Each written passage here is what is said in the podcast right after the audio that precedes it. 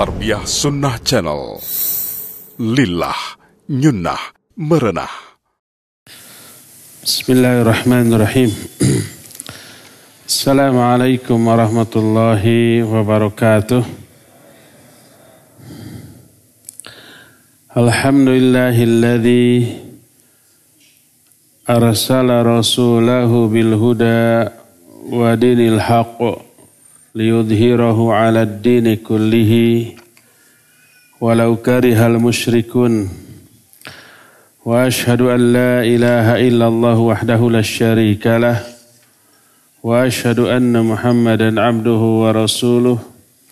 Ya ayyuhalladzina amanu taqullaha haqqa tuqatih. Wa la tamutunna illa wa antum muslimun. Wa ba'd Hadirin jamaah Masjid Raya Cipaganti Bandung yang Allah muliakan. Alhamdulillah kita kembali berjumpa untuk melanjutkan kajian tentang salah satu di antara buah dari ma'rifatullah ala ikhlas dan pembahasan kita tentang ikhlas yang terakhir adalah tentang beratnya ikhlas.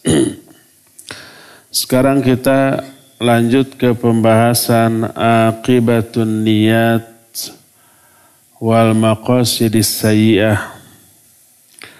Efek buruk dari niat dan maksud yang buruk atau bahaya dari buruknya niat, dari jeleknya niat. Bila seorang hamba membaguskan aspek zahirnya dengan amal soleh, tapi batinnya rusak. Berupa niatnya yang keliru, niatnya ria, niatnya sum'ah. Dia akan berpura-pura secara zahir melakukan perbuatan baik untuk meraih apa yang dia inginkan dari manusia. Mungkin pujian, sanjungan, kedudukan, harta, atau tujuan-tujuan hina lainnya, maka orang seperti itu akan diazab oleh Allah Azza wa Jalla dunia dan akhirat dengan beberapa jenis azab yang mengerikan. Di antara bahaya dari hal itu pertama at-ta'arud lima karillahi azza wa jalla orang itu akan terjerumus atau terkena, terjerat dengan makar Allah Azza wa Jalla. Kita tahu salah satu di antara sifat Allah, sifat fi'liyah adalah makar. Wa makaru wa makar Allah wallahu khairul makirin. Mereka membuat makar, Allah juga membuat makar dan Allah sebaik-baik pembuat makar. Tapi tidak boleh dari sifat ini diambil nama bagi Allah dengan nama makir. Nggak boleh. Karena Allah hanya membuat makar kepada orang yang layak diberi makar. Yakiduna kaida wa akidu kaida. Mereka membuat tipu daya. Aku juga akan membuat tipu daya. Yukhadi'un Allah wa huwa khadi'uhum mereka bermaksud menipu Allah. Allah juga membalas menipu mereka. Wa makaru wa makarallah. Mereka membuat makar Allah juga membuat makar. Jadi sifat Allah menipu memperdaya membuat makar selalu dijelaskan ketika memberi balasan terhadap makar, tipuan dan pedaya manusia. Termasuk makar. Apa makna makar? Rencana buruk. Apakah Allah Azza wa Jalla mungkin menetapkan keburukan bagi orang? Iya. Salah satu yang paling mengerikan dari makar buruk Allah kepada manusia adalah dimatikannya manusia dalam keadaan su'ul khatimah. Waliyahzubillah. Ada enggak yang seperti itu? Ada. Al-Quran menerangkan, hadis juga menjelaskan. Dan realita membuktikan hal itu. Allah berfirman, Kama thali syaitan, idh qala lil insani kfur. Falamma kafara, qal inni bari'u mink. Inni akhafullaha rabbal alamin. Kata Allah seperti setan ketika setan berkata kepada seseorang, kufur kamu.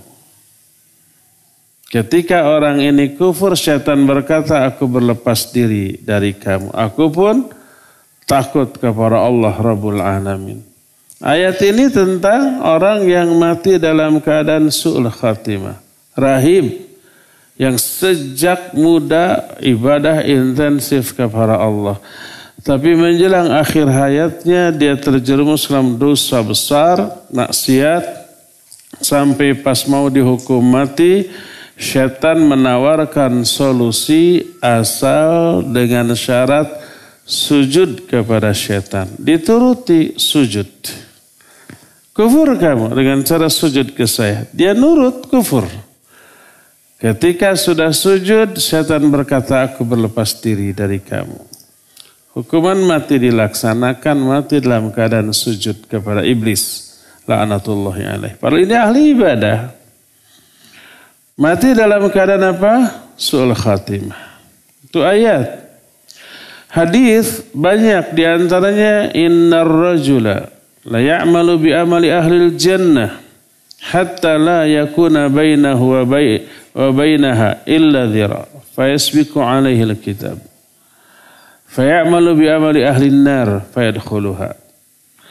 Ada orang yang sejak kecil beribadah melakukan amalan-amalan ahli surga.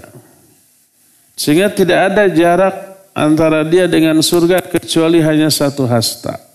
Selangkah lagi ke surga.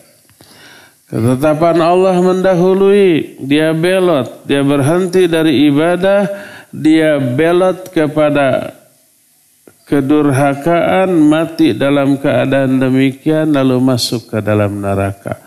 Waliyahzubillah. Su'ul khatimah. Ini yang disebut dengan makar Allah. Makanya perlu kita untuk selalu berdoa. Rabbana la tuzigh qulubana ba'da id hadaitana wa hab lana min ladunka rahmah innaka antal wahhab. Jadi selangkah lagi dia berhenti, dia futur. Futur itu lemah iman lalu menyimpang, berhenti dari semua kebaikan, berganti dengan keburukan, mati.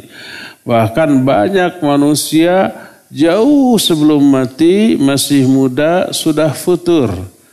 Dari remaja ngaji-ngaji sampai pemuda, sampai lulus kuliah, lalu menikah, lalu dapat kerja, berhenti semuanya. Tahajudnya berhenti, saum Senin Kamisnya berhenti, ngajinya berhenti, semua kebaikan berhenti. Dia fokus kepada keluarga dan pekerjaan. Ah, futur dia. Jenggotnya mulai dikurut lagi. Celananya mulai diper, dipanjangkan lagi sampai ngagobernya puan jalan. Ya, ada yang seperti itu, ada banyak. Futur itu makar Allah. Salah satu penyebab makar Allah itu orang itu tidak ikhlas ketika ibadah atau ketika belajar ilmu ketika ngajinya. Lihat, apa yang dikatakan oleh Hamad bin Salamah rahimahullah. Beliau ahli hadis. Kata beliau man talabal haditha li ghairillah mukirabih. Mukirabih. Siapa orang yang mempelajari hadis li ghairillah bukan karena Allah. Maka dia akan terpedaya akan terjerumus ke dalam makar Allah. Kau bisa belajar hadis tapi tidak karena Allah. Kau bisa belajar Islam tapi tidak karena Allah. Bisa? Bisa. Berupa apa? Pujian orang. Melihat orang-orang yang berilmu agama itu. Kehidupannya, kehidupan dunianya. Menyenangkan, duit gede. Ahwat ngefans banyak. Cuma ngefans tapi. Dan kebanyakan sudah tua. Kemudian uh, dihormat, dipuji di banyak kalangan. Wah kabita ingin seperti itu. Akhirnya dia termotivasi belajar Islam. Untuk apa? Untuk meraih kedudukan itu di dunia. Biar terkenal, biar beken, biar populer dan yang sejenisnya. Itu tidak karena Allah. Siapa yang belajar hadis tidak karena Allah mukirabih, dia akan terjerumus ke dalam makar Allah. Nah, ha, ucapan Muhammad bin Salamah ini dinukil oleh Imam Abu Nuaim dalam kitab Al-Hilyah. Hilyatul Aulia makna maksudnya. Juga oleh Imam Ibnu Abdul Bar dalam kitab Al-Jami. Ya. Dan ini di apa namanya dikomentari diperjelas oleh para ulama. Sebagian ulama menyatakan sadaqah rahimahullah. Fainal abda qad yastaqimu fima yabdu linnas muddatan min az-zaman taliban lil ilm qa'iman bil a'ba wal a'mal munshaghilan bi amri dinih thumma yalbathu ay yataghayyara haluhu ويتسرك ما كان عليه ويصيبه الحور بعد الكور والإدبر بعد الإقبال والانتكاسة بعد الاستقامة وقد يكون ذلك بسبب سوء نيته Sungguh benar apa yang dikatakan oleh Hamad bin Salamah ini. Karena ada seseorang, kadang-kadang dia istiqomah dalam mencari ilmu selama sekian tahun dalam pandangan manusia. Dia ulet, dia rajin, dia selalu hadir pertama kali di majlis-majlis gurunya. Dia sibuk dengan urusan agamanya. Malamnya dia tahajud. Siangnya dia saum Terus berlangsung bertahun-tahun. Tapi suatu ketika keadaan berubah. Dia berhenti dari semua kebaikannya. Berhenti tahajudnya, berhenti ngajinya, berhenti juga saumnya. Dia mundur kembali ke belakang setelah sebelumnya dia maju. Dia berhenti dari semua kebaikan setelah sebelumnya dia amat sangat aktif. Dan dia surut kembali ke belakang setelah sebelumnya dia istiqamah. Dan itu dikarenakan karena salah niat ketika belajar. Berkata Ja'far al-Khuldi, Man arada ayastaki ayastaktima sirran fal yastaktim. Siapa orang yang ingin menyembunyikan uh, kebaikannya, silakan dia sembunyikan, rahasiakan. Kita sudah terangkan tentang keutamaan menyembunyikan kebaikan. Uktumu hasanatikum kama taktumuna sayyiatikum sembunyikan kebaikan-kebaikan kalian sebagaimana kalian menyembunyikan keburukan kalian. Kalau kita sudah berbuat dosa, kesalahan, hal yang memalukan, pasti kita sembunyikan kan ya? Ada orang yang mengungkit malu kita, marah kita. Karena apa? Takut kehormatan harga diri nama baik kita anjlok di mata manusia. Sangat rapat, ditutup rapat keburukan kita. Bagus apa jelek itu? Bagus. Keburukan kita memang harus kita sembunyikan. Jangan sampai bangga diceritain ke mana-mana. Ikhwan, ahwat yang baru hijrah awas. Masa lalu yang kelam jangan diekspos, jangan diungkit. Sembunyikan, itu nama mujahirin. Mujahir itu orang yang mengekspos keburukan dia di masa lalu. Setelah Allah menutup rapat merahasiakan keburukan dia di mata orang, eh mulutnya sendiri yang ngomong. Oh dulu saya mau begini, saya mau begitu, nggak perlu, nggak boleh. Kullu ummati mu'afin illal muhajir illal mujahirin. Semua kesalahan umatku akan diampuni kecuali mujahirin.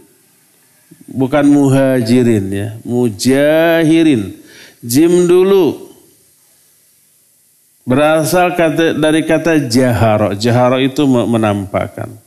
Bukan dari hajaro, kalau hajaro hijrah. Semua umatku akan diampuni kecuali mujahirin. Wa minal mujaharah. Di antara bentuk mujaharah adalah orang yang melakukan dosa maksiat di malam hari.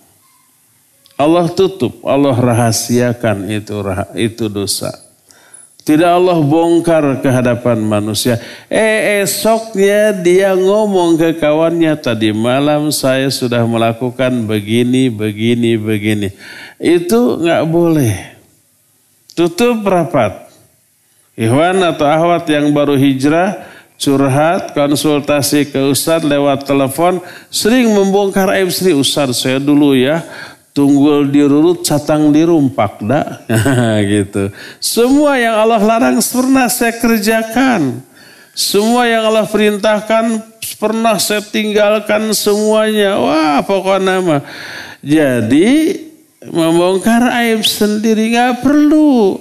Ustadz nggak butuh itu Terus gimana untuk memberi informasi untuk perbaikan kita di masa yang akan datang? Jangan dikatakan bahwa itu adalah pengalaman sendiri, jangan. Bilang saya Ustaz gimana kalau ada seseorang masa lalunya disamarkan lah. Walaupun Ustaz tahu kan cerdasnya, tahu itu dirinya itu. yang cerdas mah gitu. Jangan. Sembunyikan keburukan-keburukan kita.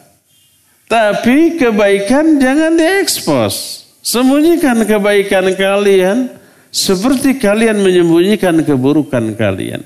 Ya. Karena menampakkannya, memberitahukannya ria. Nah, jangan sampai seperti yang dikisahkan oleh Ja'far al-Khuldi ini. Ada orang kata hubba dunia arba'ina sana. Dia sebenarnya cinta dunia. Tapi dia sembunyikan. Tidak pernah terkatakan oleh mulutnya enggak. Yang dia lakukan belajar. Yang dia lakukan ibadah. Yang dia lakukan zuhud. Kaifa Kaifa fa'alta? Apa yang kamu lakukan? Orang itu dikatakan karena yatasawwafu arba'ina sana. Dia bertasawuf selama 40 tahun. Tasawuf di sini maknanya bukan berarti mempelajari ilmu tasawuf. Dia belajar ilmu. Dan dia mengamalkan ilmunya. Dia rajin ibadahnya. Tapi apa yang terjadi? Itu selama 40 tahun. Fawaliya ba'da dhalika Ismail ibnu Ishaq al-Qadha, Qadha Baghdad. Ada kawannya di Baghdad namanya Ismail bin Ishaq. Dia diangkat menjadi qadhi, menjadi hakim, hakim agung. Itu pejabat negara. Setingkat menteri kalau di kita. Gajinya pasti gede Ismail bin Ishak ini memiliki hubungan yang erat dengan si Zahid ini. Orang yang zuhud tadi. Akhirnya ditarik menjadi wakilnya. Setelah ditarik menjadi wakilnya apa yang terjadi? Gajinya gede. Dia kaya raya. Akhirnya apa yang terjadi? Sikap zuhudnya hilang sama sekali dia berubah menjadi pakai memakai pakaian dari sutra, memakai hiasan-hiasan dari emas dan perak, membangun istana-istana megah dengan uang-uangnya halal. Karena dari gaji dia sebagai wakil qadhi. Wa idza huwa kana yaktumu hubbad dunya lamma lam yajidha. Ternyata dia menyembunyikan sifat hubbud dunia. Apa hubbud dunia? Cinta kepada dunia itu dia seolah-olah tidak mengejar dunia Karena belum ada kesempatan. Karena belum ada peluang. Karena belum ada kemampuan untuk meraihnya. Makanya dia seolah-olah menampakkan tidak suka kepada dunia. Tapi ketika peluang ada, dia menampakkan apa yang selama 40 tahun ini disembunyikan. Apa yang terjadi setelah itu? Dia sibuk dengan menikmati kekayaannya. Dia tinggalkan majlis ilmunya. Dia tinggalkan mutalaahnya. Dia tinggalkan juga ibadah-ibadah yang selama ini dilakukannya. Lalai dia, maka mulailah dia berkecimpung dalam kenikmatan dunia yang yang melalaikan. Inilah yang dimaksud dengan makar Allah dia kehidupannya berakhir dengan su'ul khatimah. Ya, itu salah satu penyebabnya karena salah niat. Ketika menuntut ilmu, ketika belajar ilmu, ketika duduk di dalam majlis. Salah satu akibat buruk yang akan dialaminya adalah dia terjerat dengan makar Allah Azza wa Jalla. Berkata para ulama seperti yang dituturkan oleh Ja'far Al-Khuldi tadi, walau annal 'abda sadaqa fi iqbalihi 'ala Allah wa ahsana al-luju' ilaihi fa inna Allah azza wa jalla yahfazuhu wa yakla'uhu wa yar'ahu wa yudnihi wa yuthabbituhu 'ala al-qawli thabit hatta yalqah Seandainya seorang hamba benar niatnya ketika menghadap Allah, memperbagus sikap tawakalnya kepada Allah, memurnikan niat ketika belajarnya kepada Allah, Allah akan menjaganya. Allah akan memeliharanya, Allah akan memantapkan sikap dan ucapannya sampai orang itu berjumpa kelak dengan Allah Subhanahu wa taala. Inilah efek buruk yang pertama, bahaya pertama dari salah niat. Yaitu apa? Akan dimatikan dalam keadaan su'ul khatimah Bahkan jauh sebelum kematiannya datang, dia sudah futur duluan. Apa makna futur teh tadi? Lemah iman akhirnya lemah motivasi beramal. Betapa banyak orang-orang yang gigih mencari ilmu selama dia kuliah. Begitu selesai kuliah, apa yang dia lakukan? Ngelamar dan melamar. Melamar kerja, melamar akhwat. Dua-duanya dapat. Apa yang terjadi? Sudah mulai kerja.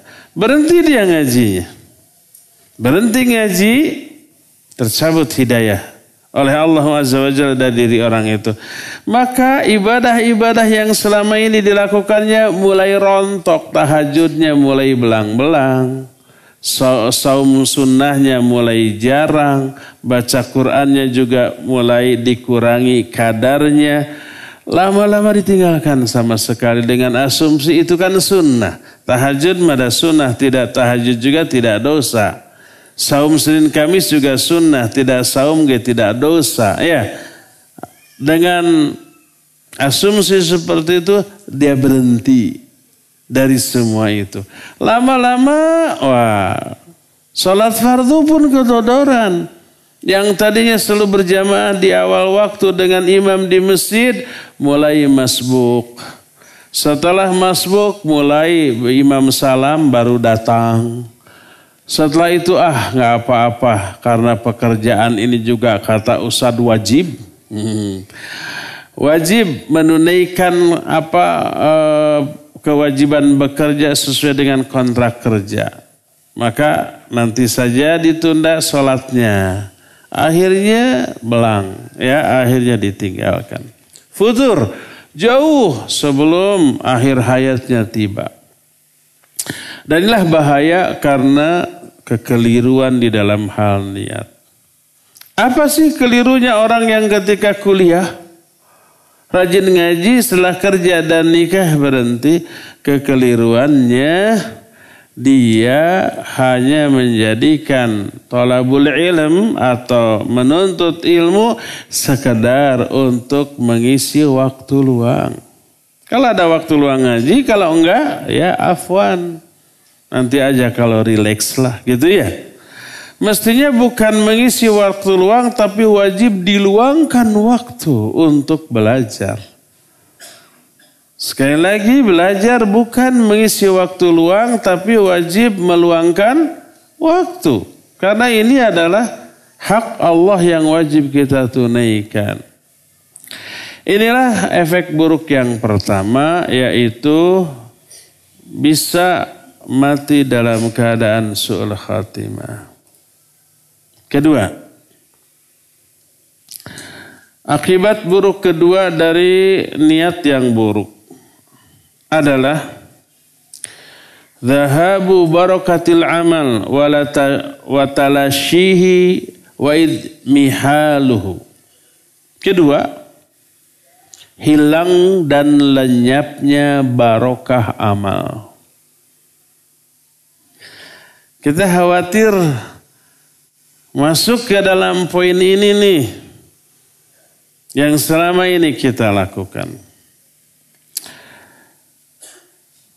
Salah satu di antara efek buruk dari ketidakikhlasanlah hilangnya barokah dari amal yang kita lakukan.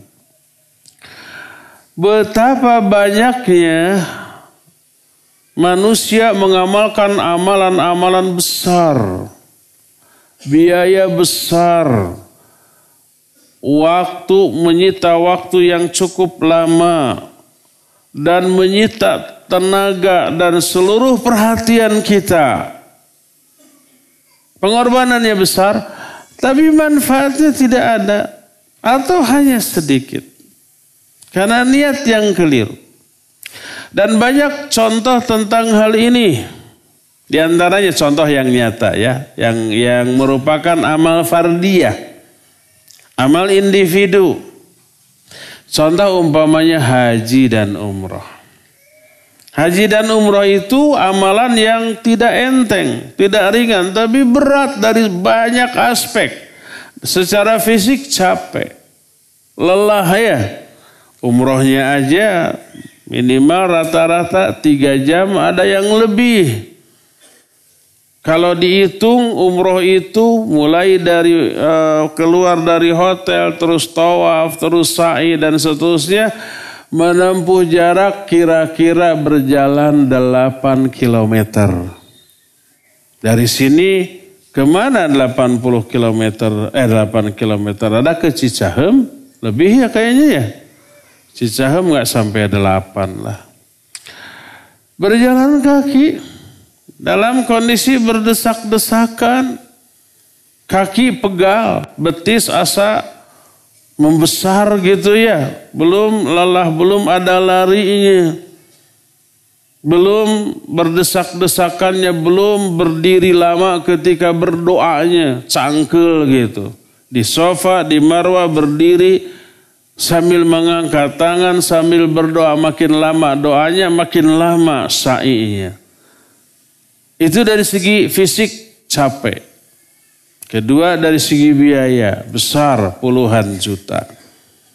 Ketiga dari segi waktu lama sembilan hari dengan perjalanan. Belum haji. Kalau haji ratusan juta. Belum waktunya lama sampai antara 25 hari sampai 40 hari tergantung kelas mana yang kita ambil ya. Belum lagi secara psikis kerinduan kepada keluarga, kepada orang tercinta, kepada tanah air, kepada lingkungan kawan-kawan dekat kita. Dan banyak lagi pengorbanan lain.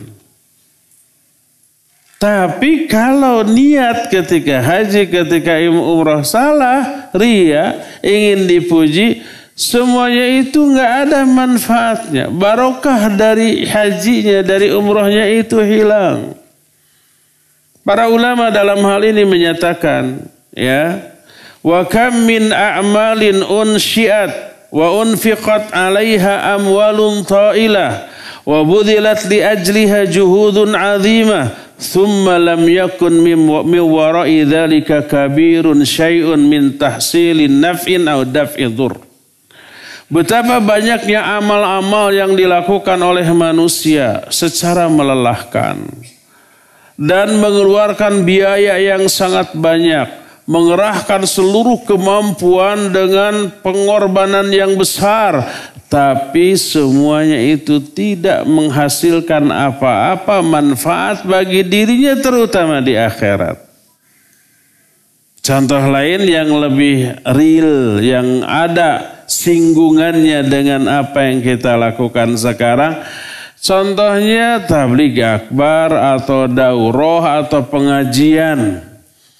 Kalau pengajian rutin seperti ini mungkin sudah terbiasa. Tapi kalau momen yang insidental seperti tablik akbar, seperti daurah, itu melibatkan banyak orang, banyak pihak mengeluarkan biaya yang besar. Daurah umpamanya sepekan.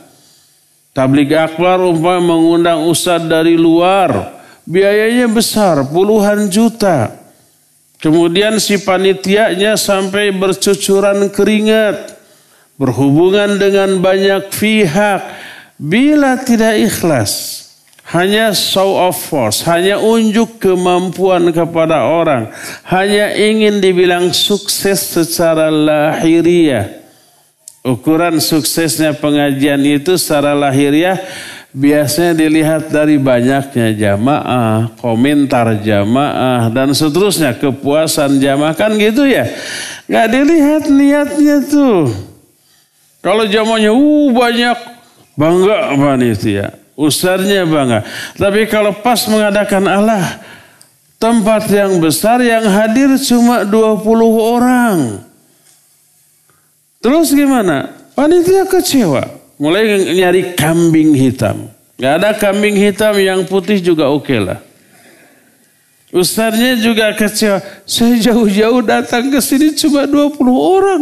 Tempatnya gede kecewa, dianggap gagal, dianggap tidak berhasil. Biaya besar, ongkos yang sudah dikeluarkan besar, belum hotelnya, belum akomodasinya, belum transportasinya, belum segala macamnya, belum promosinya, belum bayar tempatnya, segala macam.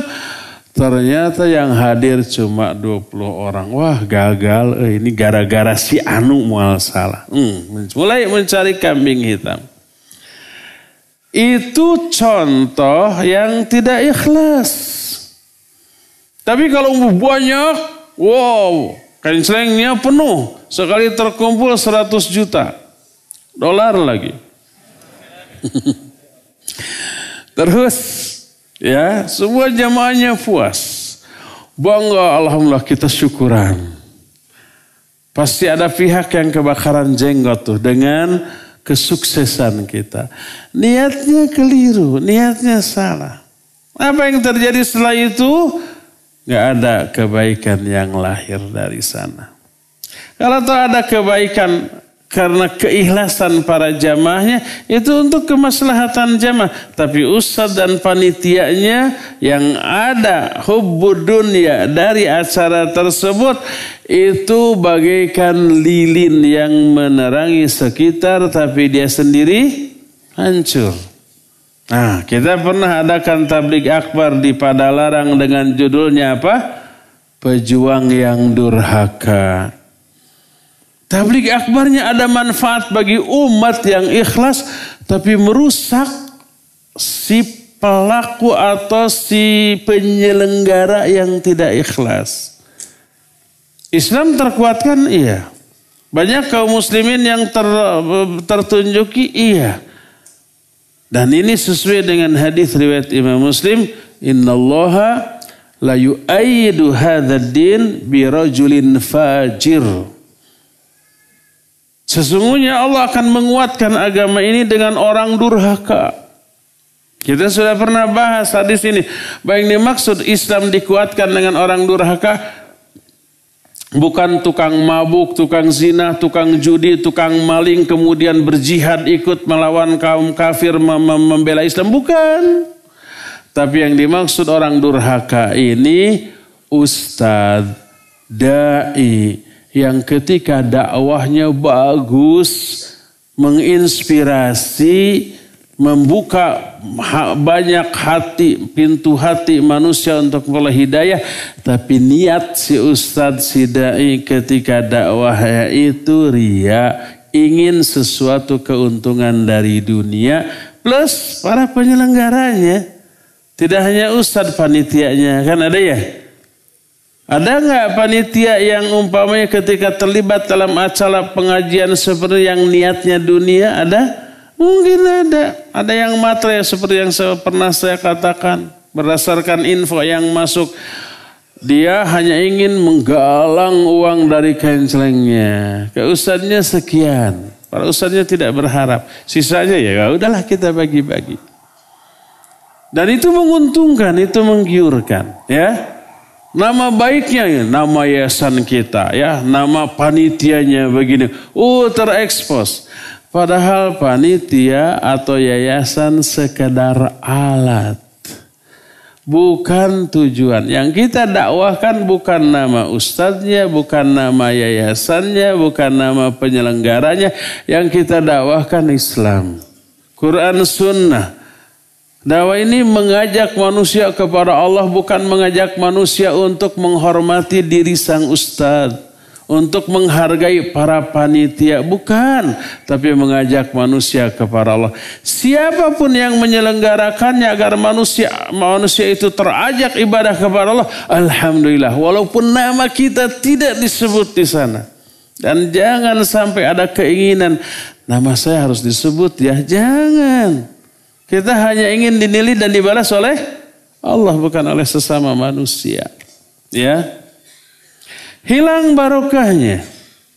Berkata para ulama seperti yang dituturkan oleh Imam Ibnu Abi Dunya dalam kitab Al-Ikhlas, wasabab yang menjadi penyebab penyebab banyaknya amal-amal yang hebat dengan biaya yang besar melibatkan banyak orang tapi enggak ada manfaatnya wasabab qad yakunu dha'af al-ikhlas fakullama dha'afa al-ikhlas fi kana dzalika sababan liidmihlali barakati amalihi wa talashihi mahma anfaqo alaihi min al-amwal liannahu innama anfaqo alaihi liyatahaddatsa an-nas wa yaqul fulan fa'ala wa fa'ala wa tilka uqubah ajilah.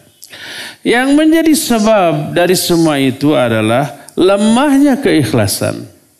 Setiap kali keikhlasan melemah dalam hati seorang hamba, maka itu menjadi penyebab hilangnya barokah dari amalnya dan lenyapnya bari kebarokah tersebut sebanyak apa pun harta yang dihabiskan untuk amal itu karena dia hanya menginfakkan hartanya atau dia hanya mengerahkan seluruh kemampuannya agar orang-orang berkomentar atas upayanya. Oh si fulan telah mengaku, melakukan ini, melakukan ini, telah melakukan ini. Ada pujian.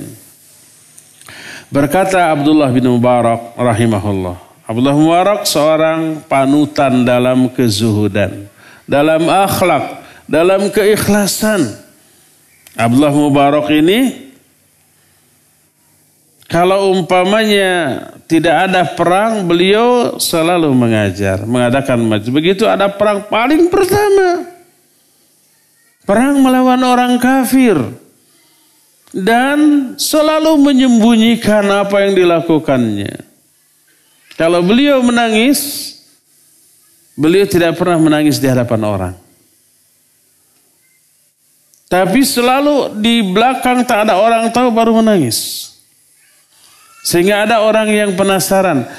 Ini orang Abdullah Mubarak kenapa sewibawa itu?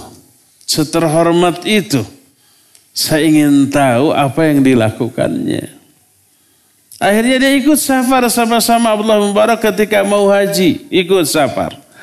Dilakukan apa yang dilakukan Abdullah Mubarak dia lakukan juga. Malamnya tahajud biasa tahajud. Semua orang melakukan begitu di perjalanan ketika hajinya ya. Ketika uh, apa namanya sebelum sholat, ba'da sholat, zikir, kemudian baca Al-Quran biasa, ya di jalan berbicara tentang ilmu biasa semua orang melakukannya.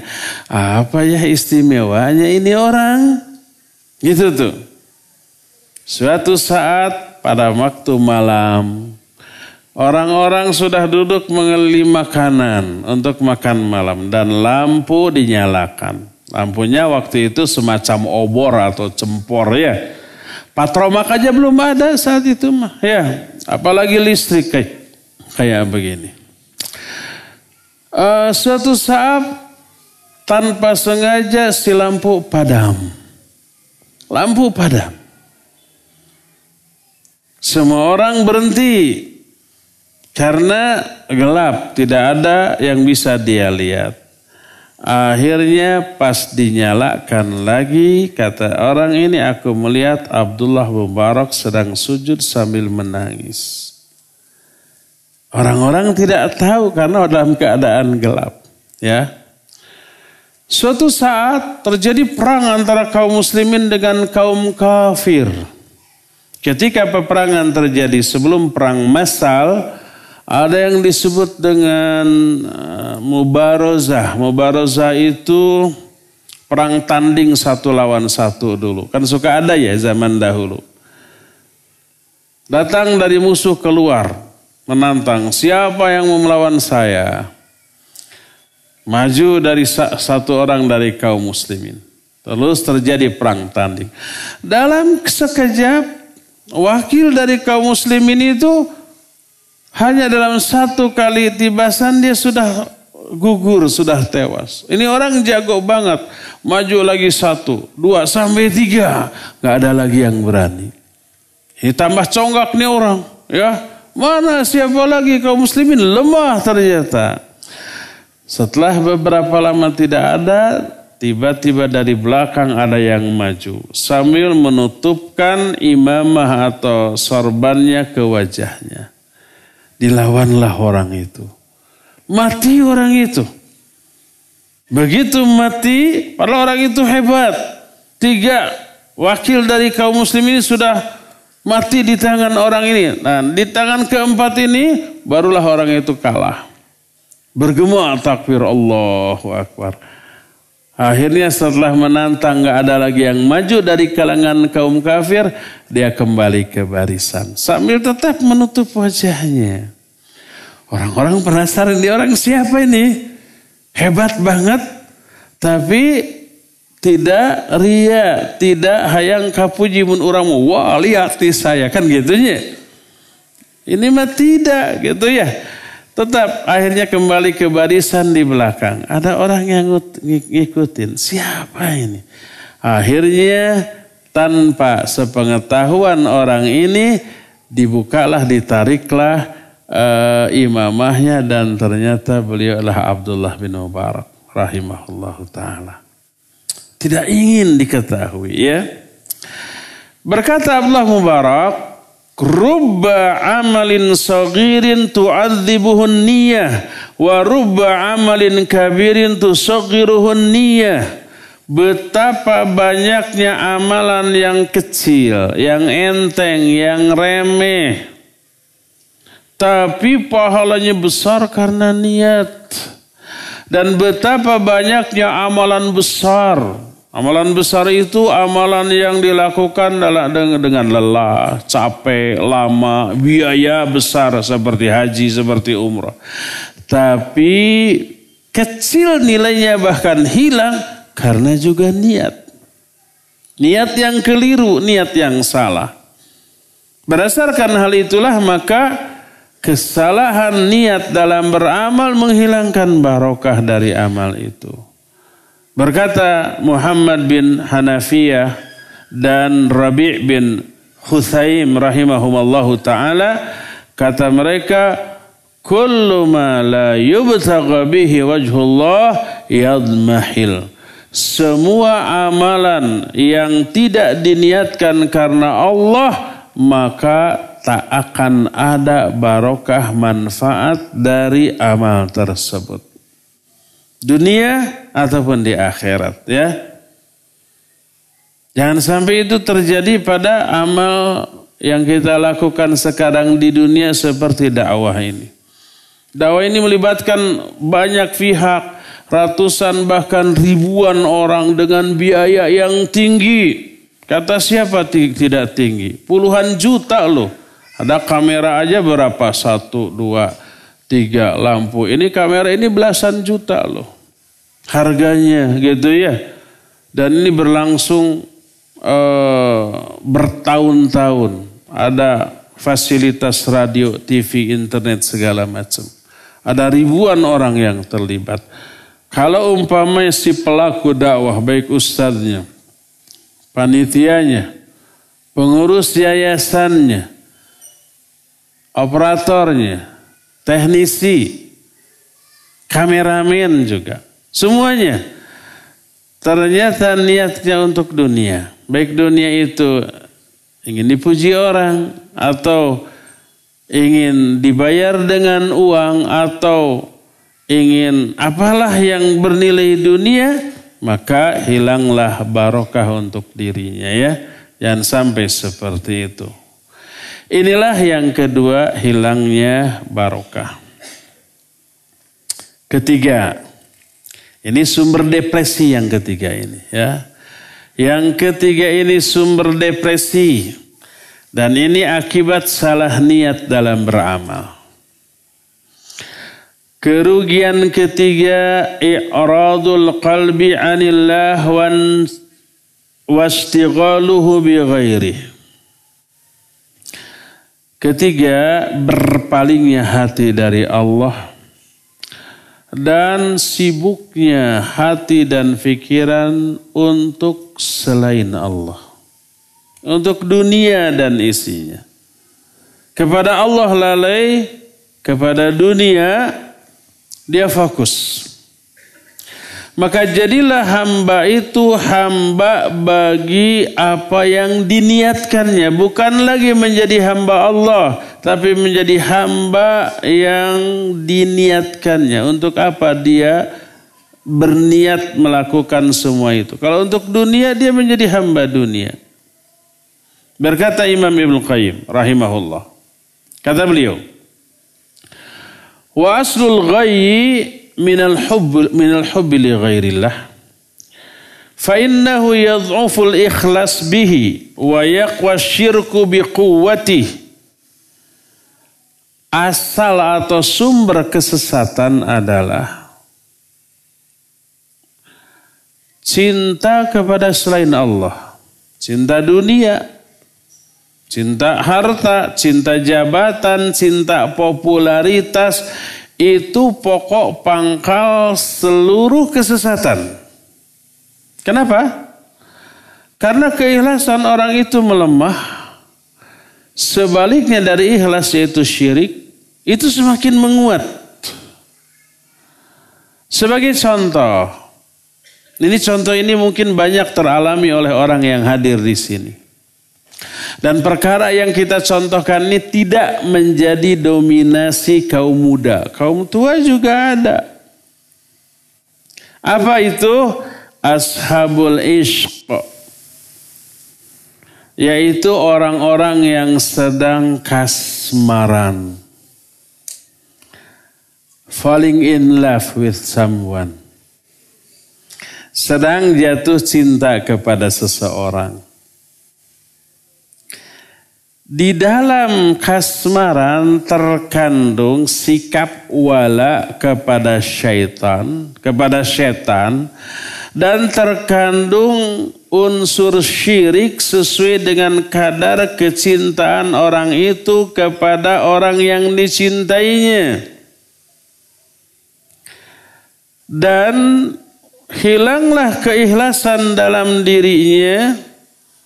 Kemudian dia ini banyak menjadikan andad bagi Allah dalam kehidupannya. Apa itu andad? Tandingan bagi Allah Azza wa Jalla. Sebagai contoh, sebagai contoh nih, orang yang sedang jatuh cinta. Dia lebih betah berdekatan berdua dengan orang yang dicintainya daripada sholat kepada Allah Azza. Kalau sholat ingin segera selesai, betul apa benar? Iya. Ingin secepat mungkin. Dan ketika imam kepanjangan, dia menggerutu. Ini imam gak tahu diri. Nah, kan begitu. Tapi kalau dia duduk di dekat orang yang dicintainya seharian, dia kuat nahan lapar, nahan pegel, nahan kantuk, nahan seluruh penderitaan. Selama dia berada di dekat orang yang dicintainya, selama itu dia adem, tentrem. Betul apa benar? Tuh, Ahwat merasakan itu. Itu pertama. Kedua, mana yang lebih sering diingat? Allah ataukah kekasihnya? Kekasihnya itu selalu nempel di kepalanya. Sampai di dalam sholat pun yang dibayangkan bukanlah Allah tapi kekasihnya. Betul apa benar? Betul dan benar ya. Ketika mau tidur bukannya berdoa, berzikir, bukannya berpikir tentang kekuasaan Allah Azza wa Jalla tapi yang ada di benaknya siapa? Orang yang dicintainya. Sampai terbawa mimpi segala. Begitu bangun langsung ingatan itu tertuju kepada orang yang dicintainya. Pokoknya nama dia itu tidak pernah lepas dari benaknya. Ada yang pernah mengalami ini? Normal. Normal bagi orang yang jauh dari agama.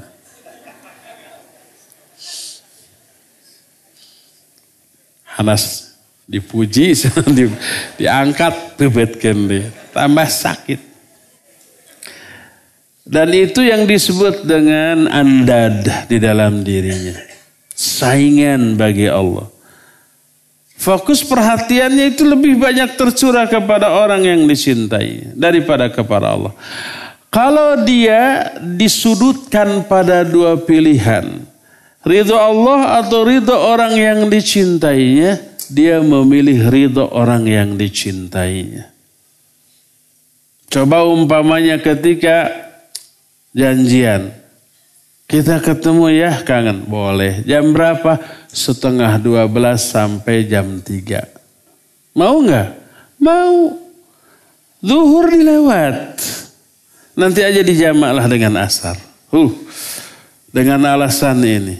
Nggak bisa. Tapi dia rela melakukannya untuk meraih ridha orang yang dicintainya walaupun membuat Allah Subhanahu wa taala murka. Kalau umpamanya, umpamanya nih, kekasihnya menelpon tolong jemput saya sekarang, tapi ngong adzan. Kata dia, maaf saya mau sholat dulu. Wah nggak bisa nanti aja sholat mah. Kalau nggak putus loh. Diancam. Kira-kira dia sholat dulu dengan resiko putus atau karena takut si kekasihnya marah ataukah dia langsung jemput walaupun Allah murka dia akan langsung jemput. Kalau nggak gitu nggak kasmaran namanya ya nggak. Nah ini salah satu contoh bahwa di dalam kasmaran disebutnya al-ishq terkandung unsur syirik. Kemudian si perhatian fokus kepada orang. Makanya sering saya katakan, jatuh cinta bukan anugerah tapi azab. Kau bisa jatuh cinta itu azab. Dia tersiksa dengan perasaan. Dan azab apa yang lebih besar dibanding seseorang dijauhkan dari Allah Azza wa Jalla. Seseorang hatinya dipalingkan dari Allah Azza wa Jalla. Itu adab terbesar bagi seorang mukmin. Adab terbesar itu bukan dicelak, dia dapat kecelakaan, dapat musibah yang membahayakan. Bukan itu adab terbesar. Dikasih musibah bisa mendekat kepada Allah. Dikasih kecelakaan bisa menjerit kepada Allah. Tapi dipalingkannya hati orang dari Allah itu musibah terbesar bagi seorang muslim. Berdasarkan hal itu maka Allah Azza wa Jalla sejak dini, sejak awal menutup pintu-pintu keburukan ke arah sana. Jangan sampai kita itu jatuh cinta kepada lawan jenis. Dengan cara apa? Nggak boleh menetap, ya nggak? Nggak boleh berdua, nggak boleh komunikasi yang genit para wanita wala takhda'na bil qaul fayatma alladhi fi qalbihi marad. Para wanita jangan kamu genit-genitkan suaramu. Sehingga laki-laki yang dalam hatinya ada penyakit merasa ter terpesona dengan suaramu. Seluruh pintu ke arah sana itu tertutup. Ditutup oleh Allah dilarang. Jangan sampai manusia membongkar pintu itu lalu terkena adab al-ishq tadi, jatuh cinta tadi. Nah, terus gimana tuh eh, tentang perasaan cinta ini? Ah, nikah baru silakan bebas, ya. Maka ingatan kita kepada istri kita menjadi ibadah, ya. Kerinduan kecintaan kita kepada istri kita bernilai ibadah tidak lagi bernilai maksiat. Berdasarkan hal itulah maka orang yang tidak ikhlas, orang yang ada unsur ria, ada unsur summah, hatinya akan dipalingkan dari Allah Azza wa Jalla.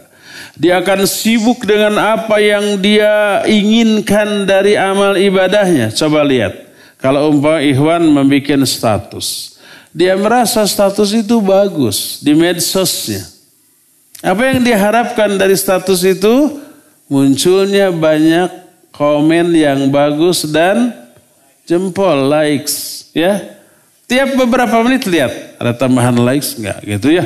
Begitu banyak likes, apalagi komen yang bagus, wah semakin bangga. Begitu berhari-hari sudah seminggu, nggak ada satu-satu acan, nunggu like gitu. Kecewa nggak? Kecewa ini orang ke mana status sebagus ini nggak ada yang baca gitu percuma lah. Akhirnya tidak lagi dia membuat status yang isinya nasihat. Lebih baik membuat status lelucon, dongeng yang pikasirian walaupun fiktif, oh itu banyak yang ngelaik itu. Terjerumuslah dia ke dalam dosa karena menyebarkan apa? Kedustaan. Ya, cerita fiktif adalah kedustaan. Walhasil yang ketiga dari hukuman yang Allah berikan kepada orang yang tidak ikhlas adalah dipalingkannya hati dia dari Allah Azza wa Jalla. Keempat, oh ini mengerikan banget nih keempat. Semoga Allah tidak menjerumuskan kita ke dalam poin yang keempat ini. Karena mengerikan kita bahasnya selasa depan, tidak sekarang. Waktunya sudah cukup dan kita masih punya sisa waktu untuk bertanya jawab. Wa sallallahu ala nabina Muhammadin wa ala alihi wa ashabi wasallam. Pertanyaan pertama.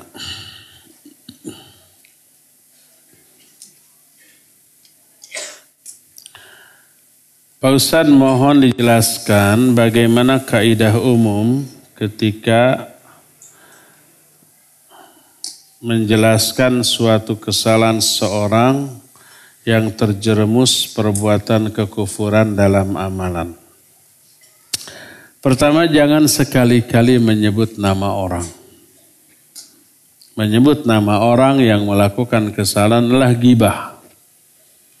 Kalau kita melihat orang terjerumus ke dalam kesalahan, apa pun kesalahannya,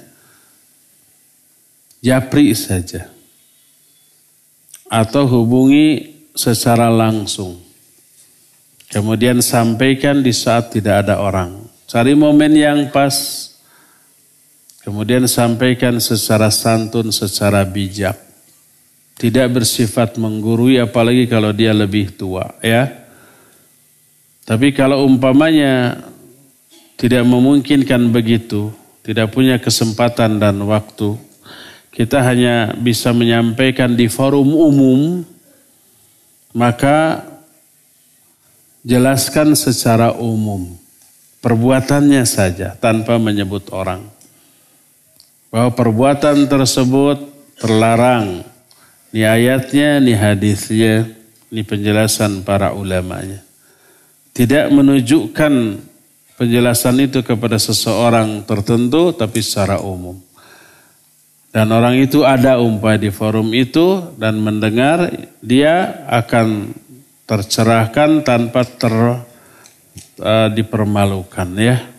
Itu kaidahnya.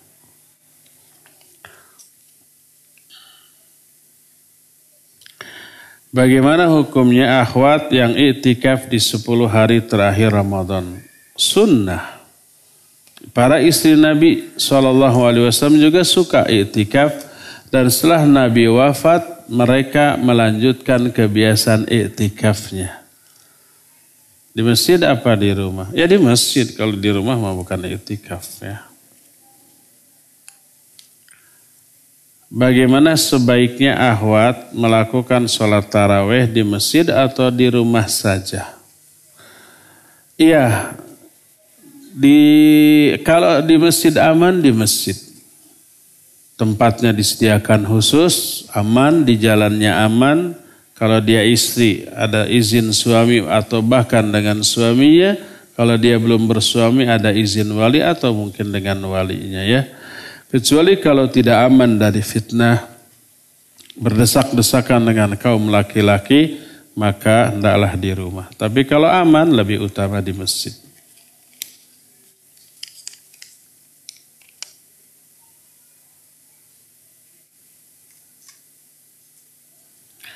Beberapa dari akhwat, akhwat kita yang sudah ngaji sunnah, masih ada sebagian yang menyukai bahkan hingga menggilai artis-artis Korea. Leh.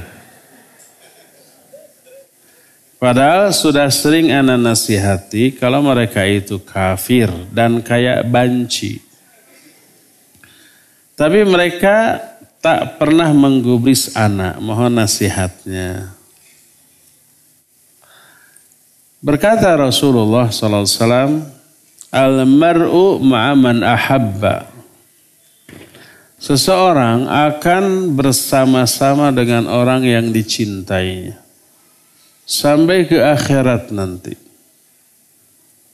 Walaupun orang yang dicintainya itu tidak pernah bertemu, tidak pernah berjumpa. Maka wajib bagi kita mencintai Rasul Sallallahu Alaihi Wasallam, para sahabat, para ulama, para aulia Allah, para solihin. Walaupun kita nggak pernah berjumpa dengan mereka. Dan berharap kita bersama-sama mereka di akhirat kelak. Walaupun amal kita ini apa? Jauh di bawah mereka. Abdullah bin Umar radhiyallahu anhu radhiyallahu anhu ketika mendengar Nabi bersabda al mar'u ma'aman ahabba atau ada seorang datang ya Rasulullah mata sa'ah wahai Rasul kapan kiamat? Nabi SAW balik bertanya Mada a'tadta laha? Apa yang sudah kamu persiapkan untuk menghadapinya? Orang ini tidak orang ini menjawab tidak ada illa uhibbullah wa rasulah. Kecuali saya mencintai Allah dan Rasulnya. Apa kata Nabi Ali salatu wasallam? Anta satakunu ma'aman ahbabta yaumal qiyamah. Kamu akan bersama-sama dengan orang yang kamu cintai pada hari kiamat. Mendengar itu Ibnu Umar menyatakan fauhibbu Rasul sallallahu alaihi wasallam wa Abu Bakrin wa Umar wa arju an akuna ma'ahum walau kana a'mali dunahum.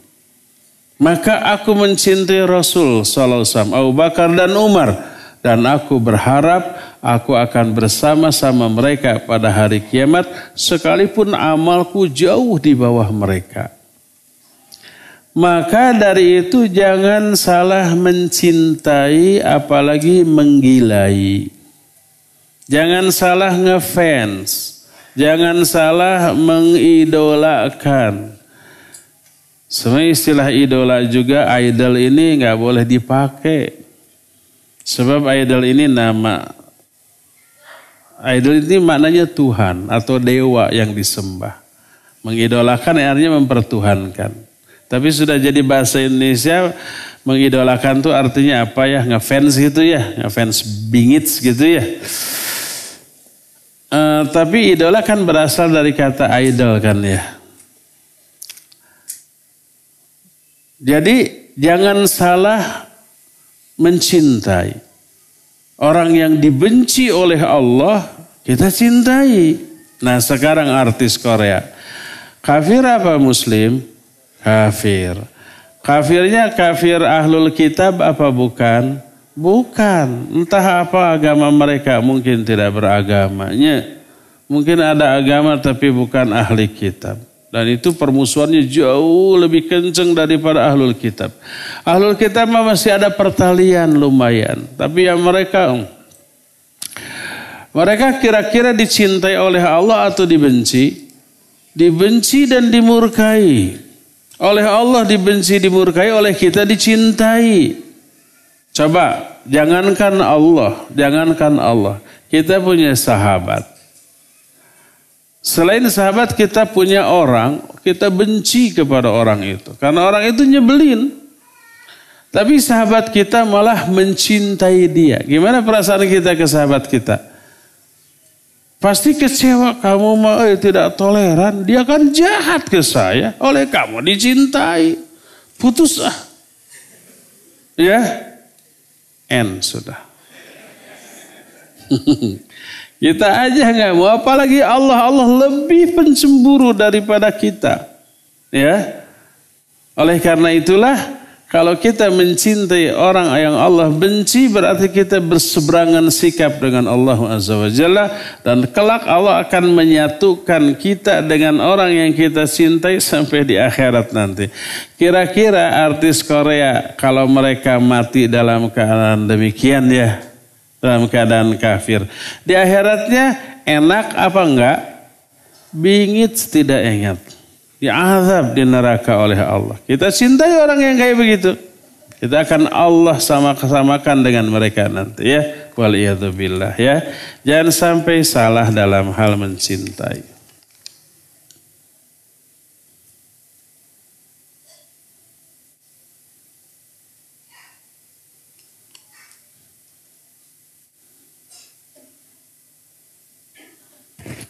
Saya mendengar lantunan Al-Quran yang ada iramanya dan tajwidnya benar. Namun suami saya menasihati, menurut suami sebaiknya mengaji tidak dengan irama berlebihan. Khawatir menyerupai lagu, padahal selama ini saya terbantu menghafal Al-Quran dengan cara ini. Benarkah ada batasan dalam melakukan bacaan? Ya tentu saja ada. Tapi melakukan dalam bacaan Al-Quran diperintahkan. Bahkan Nabi bersabda, Man lam yataghanna bil Quran falaysa minna. Siapa orang yang tidak melakukan bacaan Al-Quran, dia bukan umatku. Baguskan bacaan Al-Quran kita. Tapi lagunya tidak boleh sembarangan. Dan Al-Quran dilakukan dengan nada cianjuran. Dengan langgam Jawa dengan koplo. Nah, semacam itu jadi maksiat, jadi istihza. Istihza itu mengolok-olok ya terhadap kalamullah maka tidak boleh ya. Nah, atau tidak dengan lagu-lagu seperti itu tapi dengan uh, mengandung unsur takalluf. Takalluf itu memayah-mayahkan diri mensus me, apa namanya memaksa masakan diri. Sampai si nafas pun harus diapa harus diatur kemudian lagunya melengking kemudian menurun melengking menurun. Ada kaidah yang dibikin tanpa landasan syar'i. Itu yang tidak boleh. Ya umpamanya pertama ketika awal membaca lagu harus rendah gitu ya ada istilahnya namanya bayati tingkat pertama. Kemudian agak naik tinggi, bayati tingkat kedua, ketiga. Terus sampai melengking rendah lagi. Itu tanpa landasan syari. Itu namanya takalluf. Apalagi ketika membacanya, wah ini panjang, melengking. Jadi harus, nafas harus diapa? Diatur dulu. Terus, der gitu kan. Ada yang begitu? Itu takalluf. Dan itu biasanya ada dalam MTQ. Makanya jangan berharap ada juara MTQ internasional dari Timur Tengah, jangan berharap. Juara MTQ internasional Syekh Sudis, nggak pernah. Karena kriteria penilaiannya lain. Ya, para qurra, para ahli qiraat tidak mengenal istilah-istilah bayati seperti itu ya. Nah itu namanya takalluf. Ustaz. Ya. Ada pertanyaan dari pemirsa YouTube Ustaz. Dari hamba Allah di Bandung. Assalamualaikum. Bagaimana cara menghilangkan perasaan sedih karena tidak bisa mencapai target pencapaian perkara dunia yang diharapkan orang tua? Saya sedih karena tidak bisa menyenangkan orang tua, Ustaz. Silakan. Iya, barakallahu fik. Berkata Imam Syafi'i, Ridhan nas ghayatun la tudrak. Ridha manusia adalah tujuan yang tidak mungkin tercapai. Kita ini tidak bisa membuat seluruh orang suka dan ridho kepada kita dan kepada apa yang kita lakukan. Enggak. Ya. Oleh karena itulah jangan cari ridho manusia. Tapi carilah ridho Allah baik manusia benci ataupun tidak. Nah, kalau umpamanya orang tua kecewa kepada kita, karena kita gagal mencapai cita-cita dunia yang mereka inginkan, tunjukkan bahwa kita bisa memberikan yang lebih baik daripada yang mereka inginkan. Walaupun memang ada waktu. Tidak seketika itu juga ya, umpamanya contoh.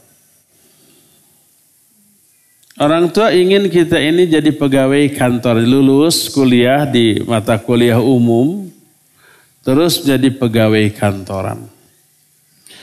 Ternyata passion kita bukan ke sana. Kita malah ingin mesantren, ingin belajar Islam. Akhirnya kita belajar agama, belajar bahasa Arab. Orang tua tahu, kecewa apa tidak? Pasti kecewa. Karena orientasi mereka bukan seperti yang sedang kita usahakan sekarang. Kita mah orientasinya agama, akhirat maka tunjukkan kelak bahwa ini jauh lebih baik daripada apa yang dicita-citakan oleh orang tua. Umpamanya orang tua menginginkan kita jadi pegawai kantoran karena biasa dihormati oleh orang, dihargai orang. Nanti tunjukkan dengan memahami agama ini. Orang akan jauh lebih menghormati daripada pegawai kantoran. Tunjukkan kemuliaan akhlak, tunjukkan ke ketawaduan, tunjukkan perhatian dan cinta kasih yang lebih kepada orang tua ya. Nanti akhirnya orang tua juga betul akan merasa bangga dengan apa yang kita capai. Walaupun sekali lagi butuh waktu ya. Saya pernah dengar dari orang tua bahwa sesuatu yang halal belum tentu barokah. Apakah benar seperti itu? Pertama, apa yang disebut dengan barokah? Barokah adalah kathratul khair. Barokah itu banyaknya kebaikan yang lahir dari sesuatu yang mengandung barokah tadi. Nah, Apakah setiap yang halal pasti mengandung barokah? Ya pasti mengandung barokah. Sebab tidaklah Allah menghalalkan sesuatu kecuali itu baik. Semua yang Allah halalkan baik. Sebagaimana firman Allah dalam Al-Quran. Surah Al-A'raf. Allah berfirman. Yuhillu lahumut tayyibat wa yuharrimu alaihumul khaba'ith. Nabi diutus untuk menghalalkan semua yang toibat. Mana toibat adalah yang baik-baik. Yang baik-baik adalah halal. Apa contohnya? Contohnya buah apa sayur ya. Buah sayur halal. Ngandung barokah enggak? Iya ngandung barokah. Apa barokahnya? Kebaikan yang terkandung dalam sayur dan buah itu. Apa kebaikannya, Pak? Ada vitamin, ada mineral, ada nutrisi yang kita butuhkan. Itu barokahnya. Coba sebutkan makanan, minuman yang halal, tapi tidak ada kebaikan bagi tubuh kita apa? Sambal. Sambal mengandung vitamin apa tidak? Iya mengandung vitamin. Selain nikmat dan sehah ya. Coba sebutkan yang halal tapi tidak mengandung kebaikan apa? Tidak ada. Kambing, oh apalagi. Ya, durian, oh luar biasa durian itu. Ya.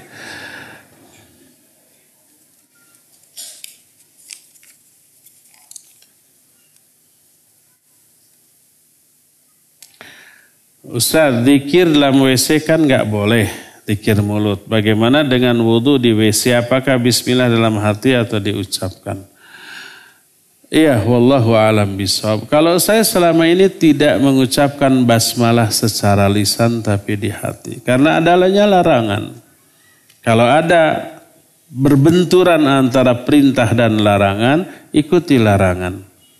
Kita di WC lalu ada yang salam, menjawab salam hukumnya apa? Wajib, tapi di WC terlarang. Jangan dijawab, nanti jawabnya di luar setelah keluar baru waalaikumsalam. Kita di WC, terus azan, ya. Padahal azan itu harus di apa? Dijawab, tapi kita di WC, jangan.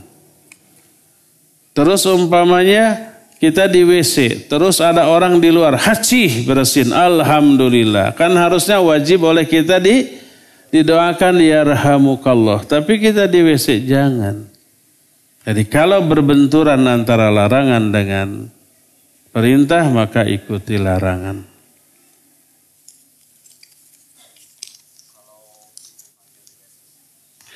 Kalau ibu manggil di WC, ya kulan gitu. Kalau kulan bukan dikir.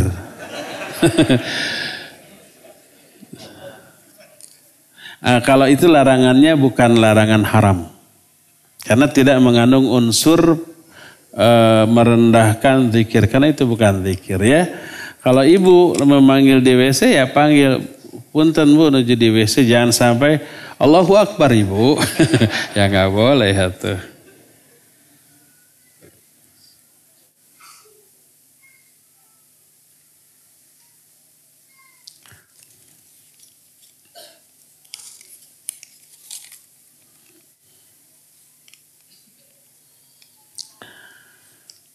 Bolehkah kita memakai barang-barang yang menyerupai emas tapi bukan emas? Boleh, karena warnanya aja gitu ya.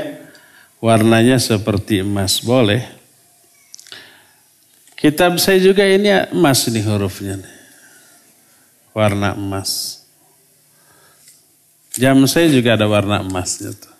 Dia dikasih orang sekitar tahun 2008. Berapa?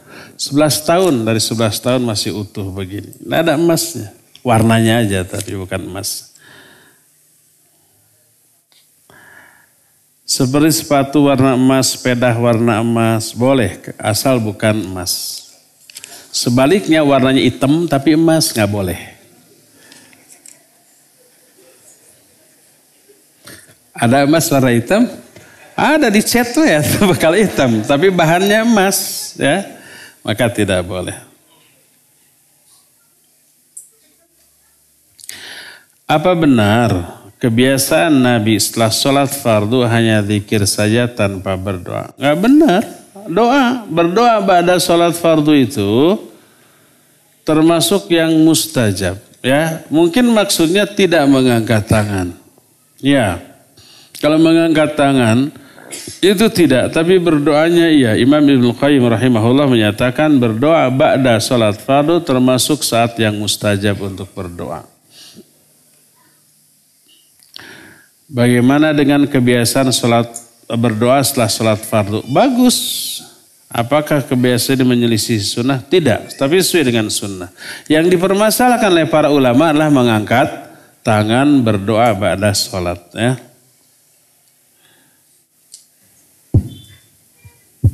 Ustaz. Ya.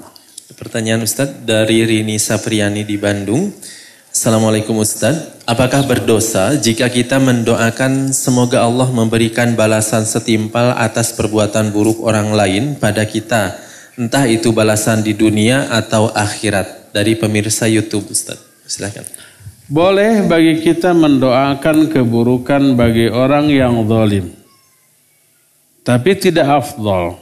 Tapi boleh.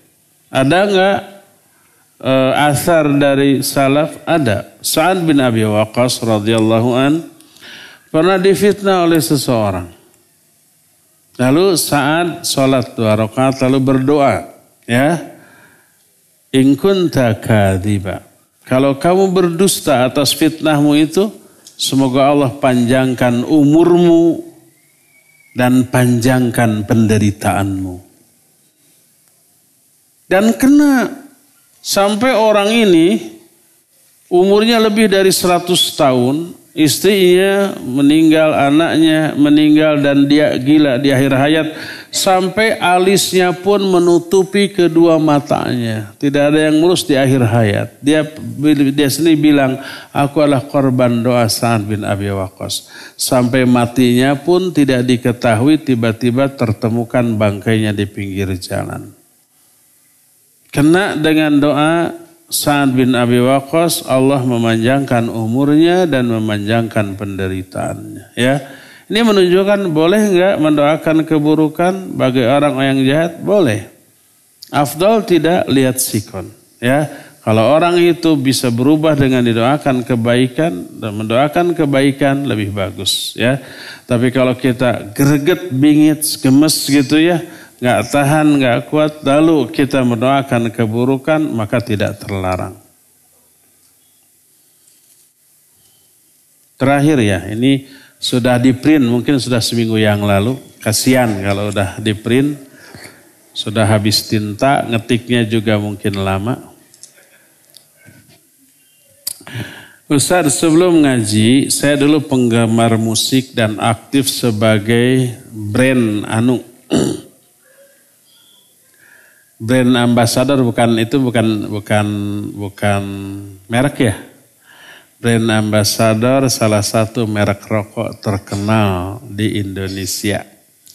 Sehingga saya banyak memiliki barang-barang yang berkaitan dengan hal tersebut seperti kaos, kaos band, kaos dengan gambar makhluk bernyawa, kaos dan barang lain seperti tas, gelas, pulpen, rompi, dan lainnya.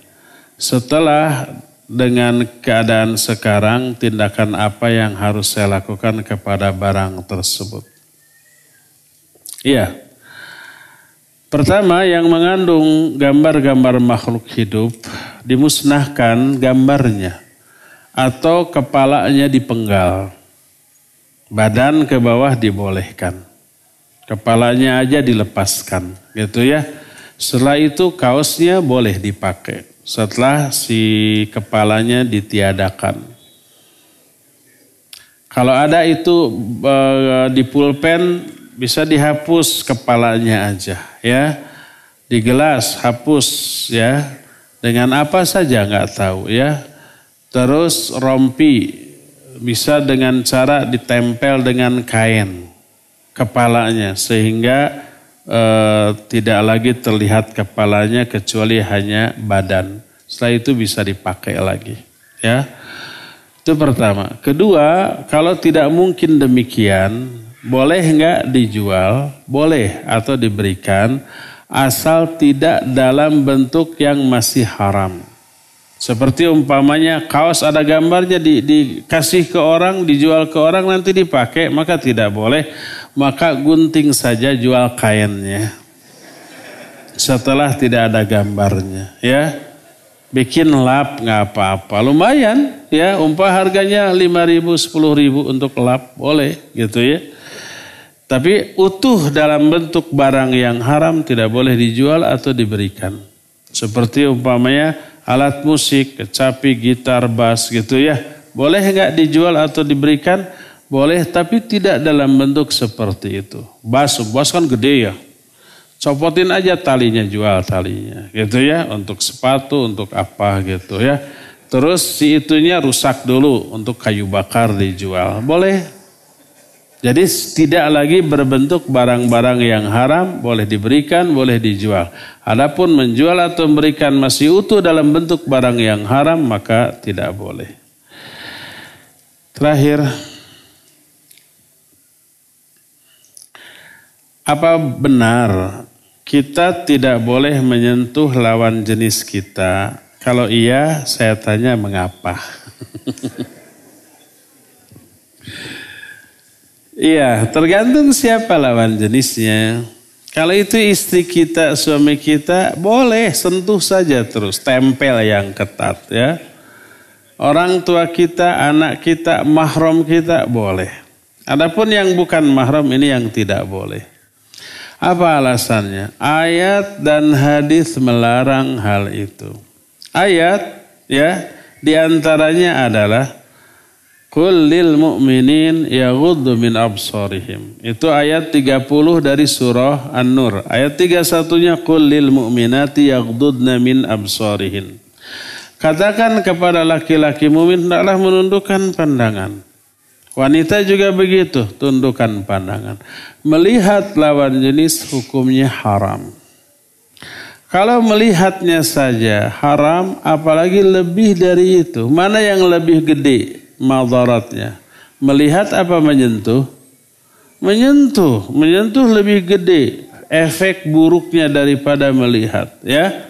Maka larangan melihat ke lawan jenis menunjukkan larangan lebih dari melihat seperti memeluknya ya dan yang lebih dari itu. Gak ada ayat atau hadis tidak boleh memeluk lawan jenis itu tidak ada. Mana ayatnya, mana hadisnya? Enggak ada berarti boleh? Enggak. Ada yang lebih enteng dari itu, yaitu melihat. Ya, Berdasarkan hal itulah maka pertama terlarangnya hal itu karena dilarang oleh Al-Quran.